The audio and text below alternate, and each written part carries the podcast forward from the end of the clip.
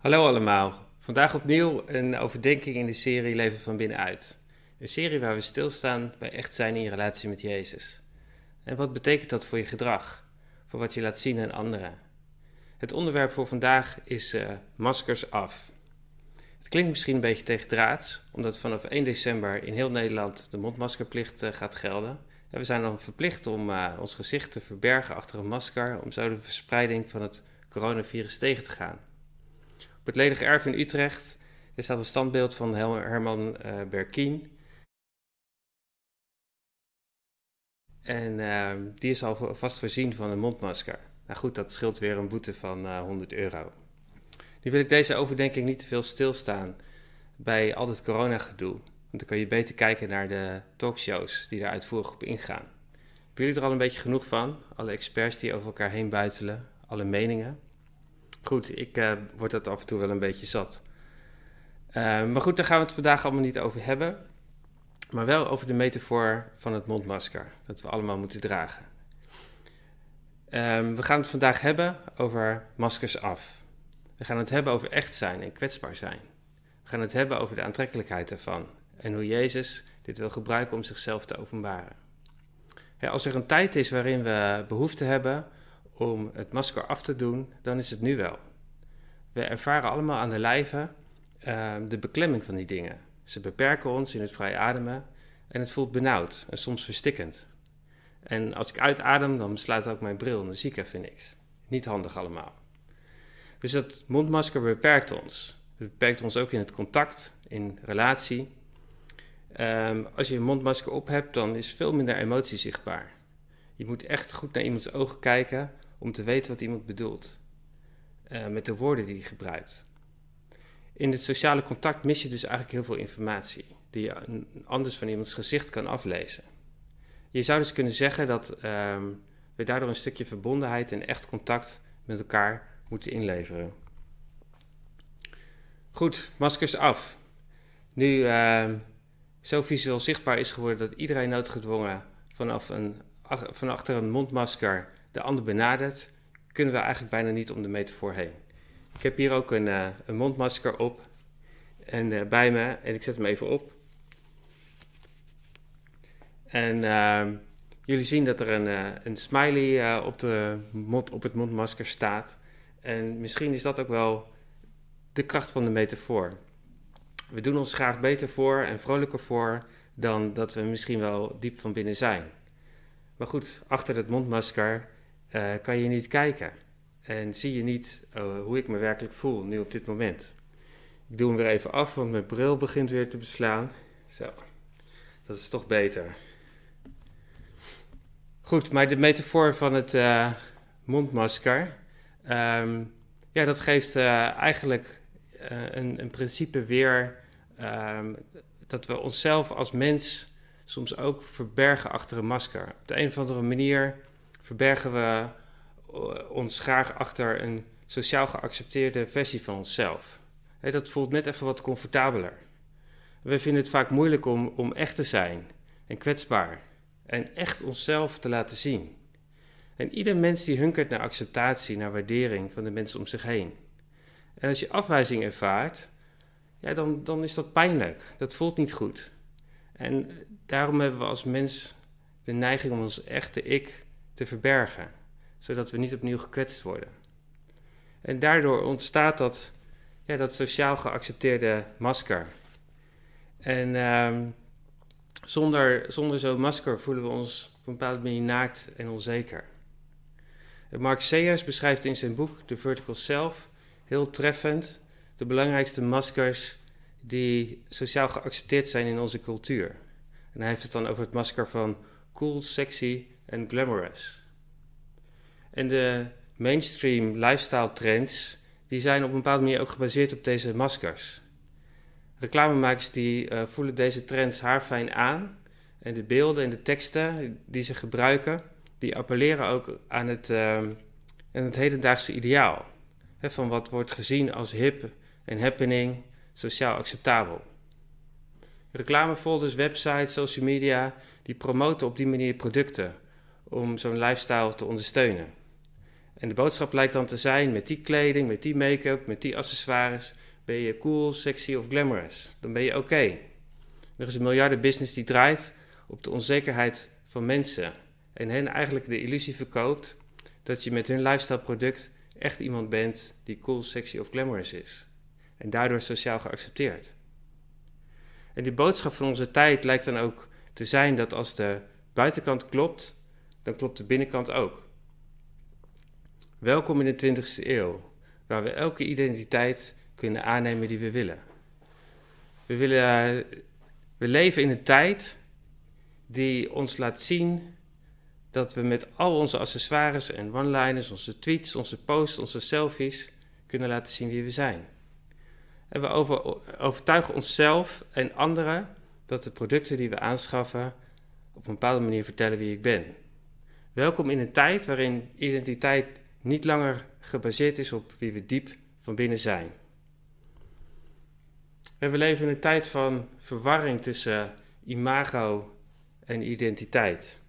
En we dragen allemaal maskers. En in hoeverre zijn we als christenen beïnvloed door onze tijd? In hoeverre zijn we als christen echt anders? In hoeverre dragen wij sociaal geaccepteerde maskers? In hoeverre hebben wij zorgvuldig geconstrueerde imago's ontwikkeld? Weliswaar met een christelijk sausje. En het is echt tijd om in het licht te komen en die maskers af te doen. In hoeverre is ons christen zijn niet gewoon onze versie van een lifestyle met een bepaald imago? Zou ons christen zijn niet net zo goed een masker kunnen zijn? Het masker dat we aantrekken, dat er aan de buitenkant goed uitziet. Een masker waarachter we ons misschien wel veilig voelen, maar van binnen ziet het er heel anders uit. Iets wat mij in de bediening van Jezus altijd heeft aangetrokken, is zijn echtheid en zijn waardering voor mensen die echt zijn. En Jezus kreeg heel veel kritiek dat hij omging met mensen die geen sociaal geaccepteerde maskers droegen, omdat ze keuzes in hun leven hadden gemaakt die de afwijzing van de maatschappij ehm, opgeroepen hadden. Maar dit waren nu juist de mensen die geen sociaal geaccepteerd masker droegen. Dat waren de prostituees, de dieven, de gevangenen, de belastinginners. mensen die op een bepaalde manier gehaat waren en ehm, afgewezen werden. Maar dat waren wel de mensen die met uh, de realiteit leefden.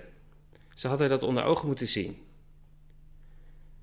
Hier ben ik uitgekomen in mijn leven. Ik heb het ook niet gewild. Maar ik leef wel in de goot van de prostitutie, of in de gevangenis, of in een situatie van verachting. Er was meer waarheid en acceptatie van de werkelijkheid in hun leven dan in veel van de, de, de mensen die, andere mensen die Jezus tegenkwam. En dat is misschien dan ook wel wat Jezus zo in hen waardeerde. Nou goed, laten we de Bijbel open doen. En uh, ik wil stilstaan vandaag bij twee Bijbelgedeeltes. Een stuk uit Matthäus 23 en een stuk uit Johannes 4, wat gaat over de vrouw bij de put. Laten we dat met elkaar lezen. Matthäus 23, vers 23 tot en met 28.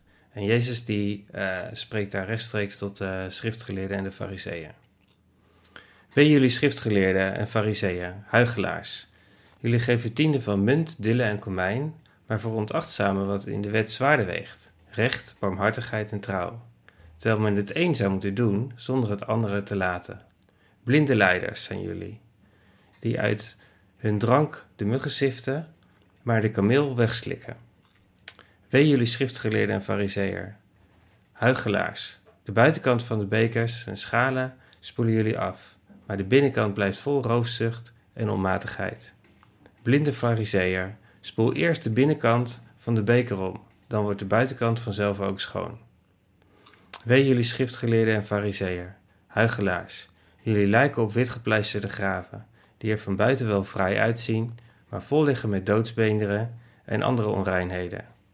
Zo lijken ook jullie voor de, de mensen uiterlijk op rechtvaardigen, terwijl jullie innerlijk vol huichelarij en wetsverachting zijn. Dan uh, lezen we de tweede tekst. Dat is de tekst uit uh, Johannes, Johannes 4, vers 4 tot 43. Dat gaat over uh, de vrouw uit de, uh, bij de put. En dat is best een, een lang stuk. Zo kwam hij bij de Samaritaanse stad Sigar, dicht bij het stuk grond dat Jacob aan zijn zoon Jozef gegeven had, waar de Jacobsbron is. Jezus was vermoeid van de reis en ging bij de bron zitten. Het was rond het middaguur. Toen kwam er een Samaritaanse vrouw water putten. Jezus zei tegen haar: Geef mij wat te drinken. Zijn leerlingen waren namelijk naar de stad gegaan om eten te kopen. De vrouw antwoordde: Hoe kunt u, als Jood, mij om drinken vragen? Ik ben immers een Samaritaanse. Joden gaan namelijk niet met Samaritanen om. Jezus zei tegen haar: Als u wist wat God wil geven en wie het is die u om water vraagt, zou u hem erom vragen en dan zou hij u levend water geven. Maar heer, zei de vrouw, u heeft geen emmer en de put is diep. Waar wilt u dan levend water vandaan halen? U kunt toch niet meer dan Jacob, onze voorvader? Hij heeft ons deze put gegeven en er zelf nog uit gedronken, en ook zijn zonen en zijn vee. Iedereen die dit water drinkt, zal weer dorst krijgen, zei Jezus. Maar wie het water drinkt dat ik hem geef, zal nooit meer dorst krijgen. Het water dat ik geef, zal in hem worden als een bron waaruit water opwelt, dat eeuwig leven geeft. Geef mij dat water, zei de vrouw, dan zal ik geen dorst meer hebben. Dan hoef ik ook niet meer hierheen te komen om water te putten. Toen zei Jezus tegen haar: Ga je man eens roepen en kom dan weer terug. Ik heb geen man, zei de vrouw. U hebt gelijk als u dat zegt, dat u geen man hebt, zei Jezus. U hebt vijf mannen gehad, en degene die u nu hebt, is uw man niet. Wat u zegt is waar. Daarop zei de vrouw: Nu begrijp ik, Heer, dat u een profeet bent. Onze voorouders vereerden God op deze berg. En bij u zegt men dat in Jeruzalem de plek is waar God vereerd moet worden. Geloof mij, zei Jezus. Er komt een tijd dat jullie nog op deze berg, nog in Jeruzalem, de Vader zullen aanbidden. Jullie weten niet wat je vereert, maar wij weten dat wel. De redding komt immers van de Joden. Maar er komt een tijd, en die tijd is nu gekomen, want wie de Vader echt aanbidt, hem aanbidt in geest en waarheid. De Vader zoekt mensen die hem zo aanbidden, want God is geest. Dus wie hem aanbidt, moet dat doen in geest en waarheid. De vrouw zei: Ik weet wel dat de Messias zal komen. Dat betekent gezalfde. Wanneer hij komt, zal hij ons alles vertellen. Jezus zei tegen haar: Dat ben ik, degene die met u spreekt. Op dat moment kwamen zijn leerlingen terug en ze verbaasden zich erover dat hij met een vrouw in gesprek was. Toch vroeg niemand: Wat wilt u daarmee? Of waarom spreekt u met haar? De vrouw liet haar kruik staan, ging terug naar de stad en zei tegen de mensen daar: Kom, er is iemand die alles van mij weet. Zou dat niet de Messias zijn? Toen gingen de mensen de stad uit naar hem toe. Intussen zeiden de leerlingen tegen Jezus: Rabbi, u moet iets eten. Maar hij zei: Ik heb voedsel dat jullie niet kennen. Zou iemand hem iets te eten gebracht hebben? zeiden ze tegen elkaar. Maar Jezus zei: Mijn voedsel is de wil te doen van hem die mij gezonden heeft en zijn werk te voltooien. Jullie zeggen toch: nog vier maanden en dan komt de oogst. Ik zeg: Kijk om je heen, dan zie je de velden rijp voor de oogst. De maaier krijgt zijn loon al en verzamelt vruchten voor het eeuwige leven, zodat de zaaier en de maaier tegelijk feest kunnen vieren. Hier is het gezegde van toepassing: de een zaait, de ander maait. Ik stuur jullie erop uit om een oogst binnen te halen, waarvoor je geen moeite hebt hoeven te doen. Dat hebben anderen gedaan, en jullie maken hun werk af. In die stad kwamen veel Samaritanen tot geloof. In hem door de getuigenis van de vrouw. Hij weet alles van me. Ze gingen naar hem toe en vroegen hem bij hem te blijven. Toen bleef hij nog twee dagen. Nog veel meer mensen kwamen tot geloof door wat hij zei. Ze zeiden tegen de vrouw: We geloven nu niet meer om, om wat jij gezegd hebt, maar we hebben hem zelf gehoord en we weten dat hij werkelijk de redder van de wereld is. Ja, in het eerste gedeelte wat we gelezen hebben, daar spreekt Jezus de religieuze leiders van zijn tijd echt wel snoeihard aan. Hè? Hij kijkt dwars door de sociaal geaccepteerde maskers heen. Hij kijkt dwars door de buitenkant heen en ziet de binnenkant. En het appel van Jezus in deze tekst is op een bepaalde manier ook wel echt glashelder. En het woord dat in de Griekse grondtekst gebruikt wordt voor huigelaars is hypokritos. Daar komt ons woord hypocriet vandaan. En dit woord dat betekent uh, masker. De kernboodschap van deze tekst is dan eigenlijk ook maskers af. En er valt veel meer te zeggen over deze tekst, maar het vers wat ik vandaag uh, eruit wil halen en wat gaat over het thema waar we bij stilstaan is vers 26. Waar staat: Spoel eerst de binnenkant van de beker om, dan wordt de buitenkant ook vanzelf schoon. wij verlangen er echt naar om als gemeente het licht en zout te zijn in deze wereld. We hebben dat ook verwoord in ons missiestatement: Hoop voor de wereld.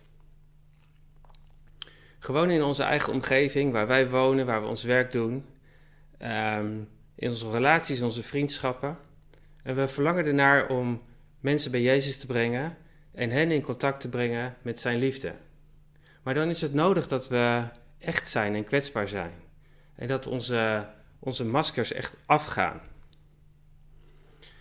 En waarom zou iemand zijn sociaal geaccepteerde masker van cool, sexy of glamorous uh, omruilen voor een ander masker?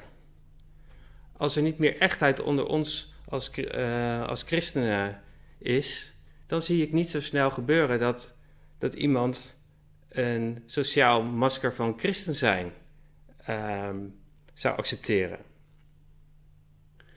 Nou, een van mijn favoriete Bijbelverhalen is het uh, verhaal van de vrouw bij de put. We hebben dat net met elkaar gelezen. En dan krijg je zo'n intiem inkijkje in hoe Jezus heel liefdevol door alle maskers heen prikt en echt tot de kern komt van haar leven. Ook dit verhaal draagt veel in zich waar je eigenlijk meerdere preken over kan houden. Maar we bekijken ook dit verhaal door de, door de lens van ons onderwerp, maskers af. Het ten eerste doorbreekt Jezus, zoals we hem inmiddels kennen, alle sociaal geaccepteerde en culturele structuren. Je moet je voorstellen dat de Samaritanen en de Joden overhoop lagen met elkaar. De Joden mede daarom uh, Samaritaans grondgebied, omdat ze daar onrein van zouden worden. Je zou het eigenlijk ook wel kunnen vergelijken met de huidige situatie in Israël en het conflict met de Palestijnen. Ten tweede zorgt Jezus voor uh, privacy en veiligheid in een één-op-één ontmoeting. Het leven van deze vrouw kende grote worstelingen met het vinden van geluk in de liefde. Het verhaal lijkt ons te vertellen dat ze moeite had om zich echt te binden. Verschillende huwelijken waren op de klippen gelopen en de relatie die ze nu had was meer een soort samenwonen of een latrelatie. Haar situatie had haar in afzondering gebracht.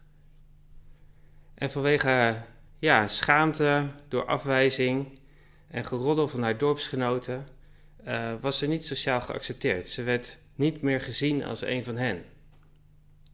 En ten derde prikt Jezus in dit gesprek dwars door alle lagen heen.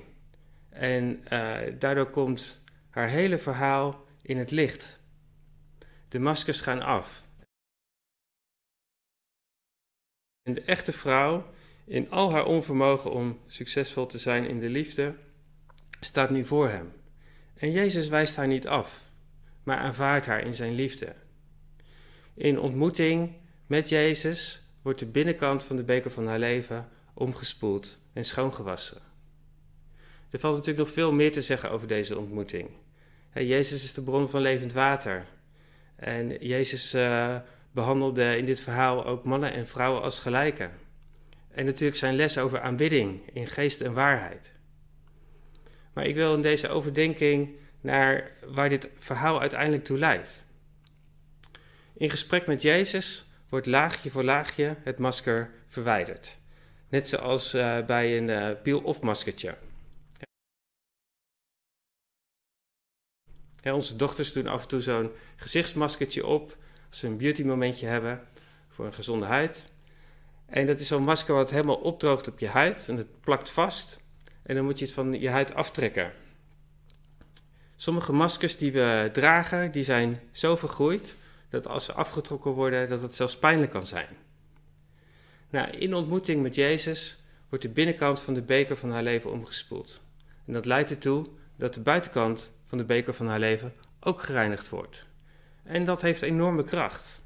Het heeft de kracht om een verandering in het hele dorp te brengen. Er ontstaat een opwekking. Dat is wat er gebeurt als de maskers afgaan. En echt leven van binnenuit zichtbaar wordt. In de tekst die we zojuist gelezen hebben uit Matthäus, daar spreekt Jezus de religieuze leiders aan van die tijd. En je ehm, denkt dan misschien wel van, nou, dat is mooi, ik ben geen uh, religieuze leider. Maar de vraag is of dat wel helemaal klopt.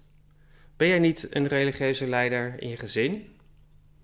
Ben je niet een religieuze leider op het moment dat jij je geloof probeert te delen met iemand anders? Misschien in je buurt, op je werk of in vriendschappen? En hoe kan het toch dat we zoveel makkelijker de oproep van Jezus volgen om in beweging te komen, dan zijn oproep om de binnenkant van de beker van ons leven om te spoelen? Wat we doen voor God heeft het vermogen om bij te dragen aan het sociaal geaccepteerde masker van christen zijn. Maar als we dat verlangen om dingen voor God te doen, als dat niet geworteld is in een hart dat schoongewassen is, dan noemt Jezus dat hypocriet. Dan is het niet meer dan een masker. Het lijkt rechtvaardig, maar het is het dan niet. En dat is vandaag misschien wel een wat radicale en scherpe boodschap. Maar we geloven echt dat Jezus zijn gemeente oproept om echt te zijn en in het licht te leven. En in Efeze 5, vers 13 en 14, daar staat: Maar alles wat door het licht ontmaskerd wordt, wordt openbaar. En alles wat openbaar wordt, is zelf licht. Daarom staat er: Ontwaak uit uw slaap, sta op uit de dood, en Christus zal over u stralen. Het is echt tijd om onze maskers af te doen en echt van binnenuit te leven. En we willen daar niet alleen over spreken, maar dat ook echt gaan doen. Van wat zou er gebeuren als wij onze echte verhalen van verlossing, redding, in alle kwetsbaarheid leren delen met elkaar? En wat zou er gebeuren als, uh, als anderen die verhalen horen? Zal het geen leven brengen en zal het niet genezend zijn voor onszelf en onze omgeving? De ontmaskerende ontmoeting van de Samaritaanse vrouw was zo ontzettend genezend voor haarzelf, voor haar eigen waarde, maar ook voor de gemeenschap waar ze in leefde. Het bracht een einde aan haar buitensluiting. Het ontmaskerde ook haar dorpsgenoten, die ook een diepe behoefte hadden aan een echte ontmoeting met Jezus, die verlossing en redding brengt. Dus ik stel voor dat we die echte verhalen, ehm, de binnenkant van de beker, dat we, eh, van ons leven, dat we die gaan delen. Het echte verhaal dat laat zien wat Jezus in jou heeft gedaan. Waarvan ben jij verlost? Waarvan ben jij gered? Maak dat eens concreet. En wat lukt jou niet zonder genade? Zet je masker af en word er eerlijk over. Word eerlijk over je behoefte aan redding en verlossing. Het is echt tijd om de maskers af te doen en te leven van binnenuit. we kunnen dat in deze tijd van social distancing misschien wel uh, het beste doen door een filmpje in te spreken en dat met elkaar te delen. In de SW staat een e-mailadres waar je jouw verhaal kunt delen, als je dat ziet zitten tenminste. Maar goed, laat ik zelf ook een verhaal delen. Um, Jezus heeft ook mij geraakt en um, Jezus is ook gestorven voor mijn zonde en alles wat ik verkeerd gedaan heb. En ik, uh, ik heb al eerder verteld uh, hoe dat gegaan is, maar uh, ik wil nu even stilstaan bij een, een veel recenter uh, voorbeeld eigenlijk. Afgelopen weekend was, ehm, hadden we problemen met onze afvoer thuis en die zat behoorlijk verstopt. En nou, de chemische troep wilde eigenlijk ook niet helpen om de afvoer te ontstoppen. Um, dus ik, ja, ik moest echt onder de grond, om, onder de, in de kruipruimte, om te kijken wat er aan de hand was. En het bleek echt, nou ja, een, een, meter pijp bleek gewoon helemaal verstopt te zitten. Dus dat hebben we er uiteindelijk uitgezaagd om, ehm, en, en, vervangen, zodat het allemaal weer ging doorstromen. En het was alsof, alsof God eigenlijk tegen mij zei van hey, dat beeld van die afvoer die verstopt staat, dat, daar wil ik ook wat over tegen jou zeggen. En um, ja, dus ik ben, ben nu in, in gesprek met Jezus eigenlijk om um, een beetje uit te zoeken van wat betekent dat. En eh, het, het, het lijkt misschien wel op een bepaalde manier dat er uh, dingen uh, misschien wel verstopt zitten waar hij wat mee wil doen. En uh, ja, ik, ik, ik ben dat aan, aan het ontdekken in relatie met hem. En ik hoop dat ehm, dat, dat, dat uiteindelijk leidt tot, tot een stukje nieuwe vrijheid. Jezus wil ons leven echt van binnenuit veranderen. En we, zien niet alles bij onszelf. We hebben echt de input van de Heilige Geest nodig om dingen te laten zien. En daarover samen in gebed te ontdekken wat dat uh, betekent.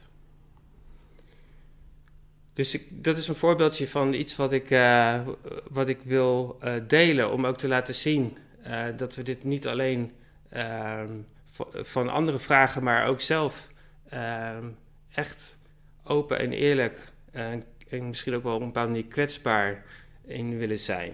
En Jezus daarin willen volgen. Dus laten we Jezus eren door onze maskers af te zetten en Hem binnen te laten. Laten we onze echte verhalen delen. En uh, laten we zien wat Jezus door jouw verhaal heen wil doen. Dus laat Christus stralen over jou en je verhaal. Amen.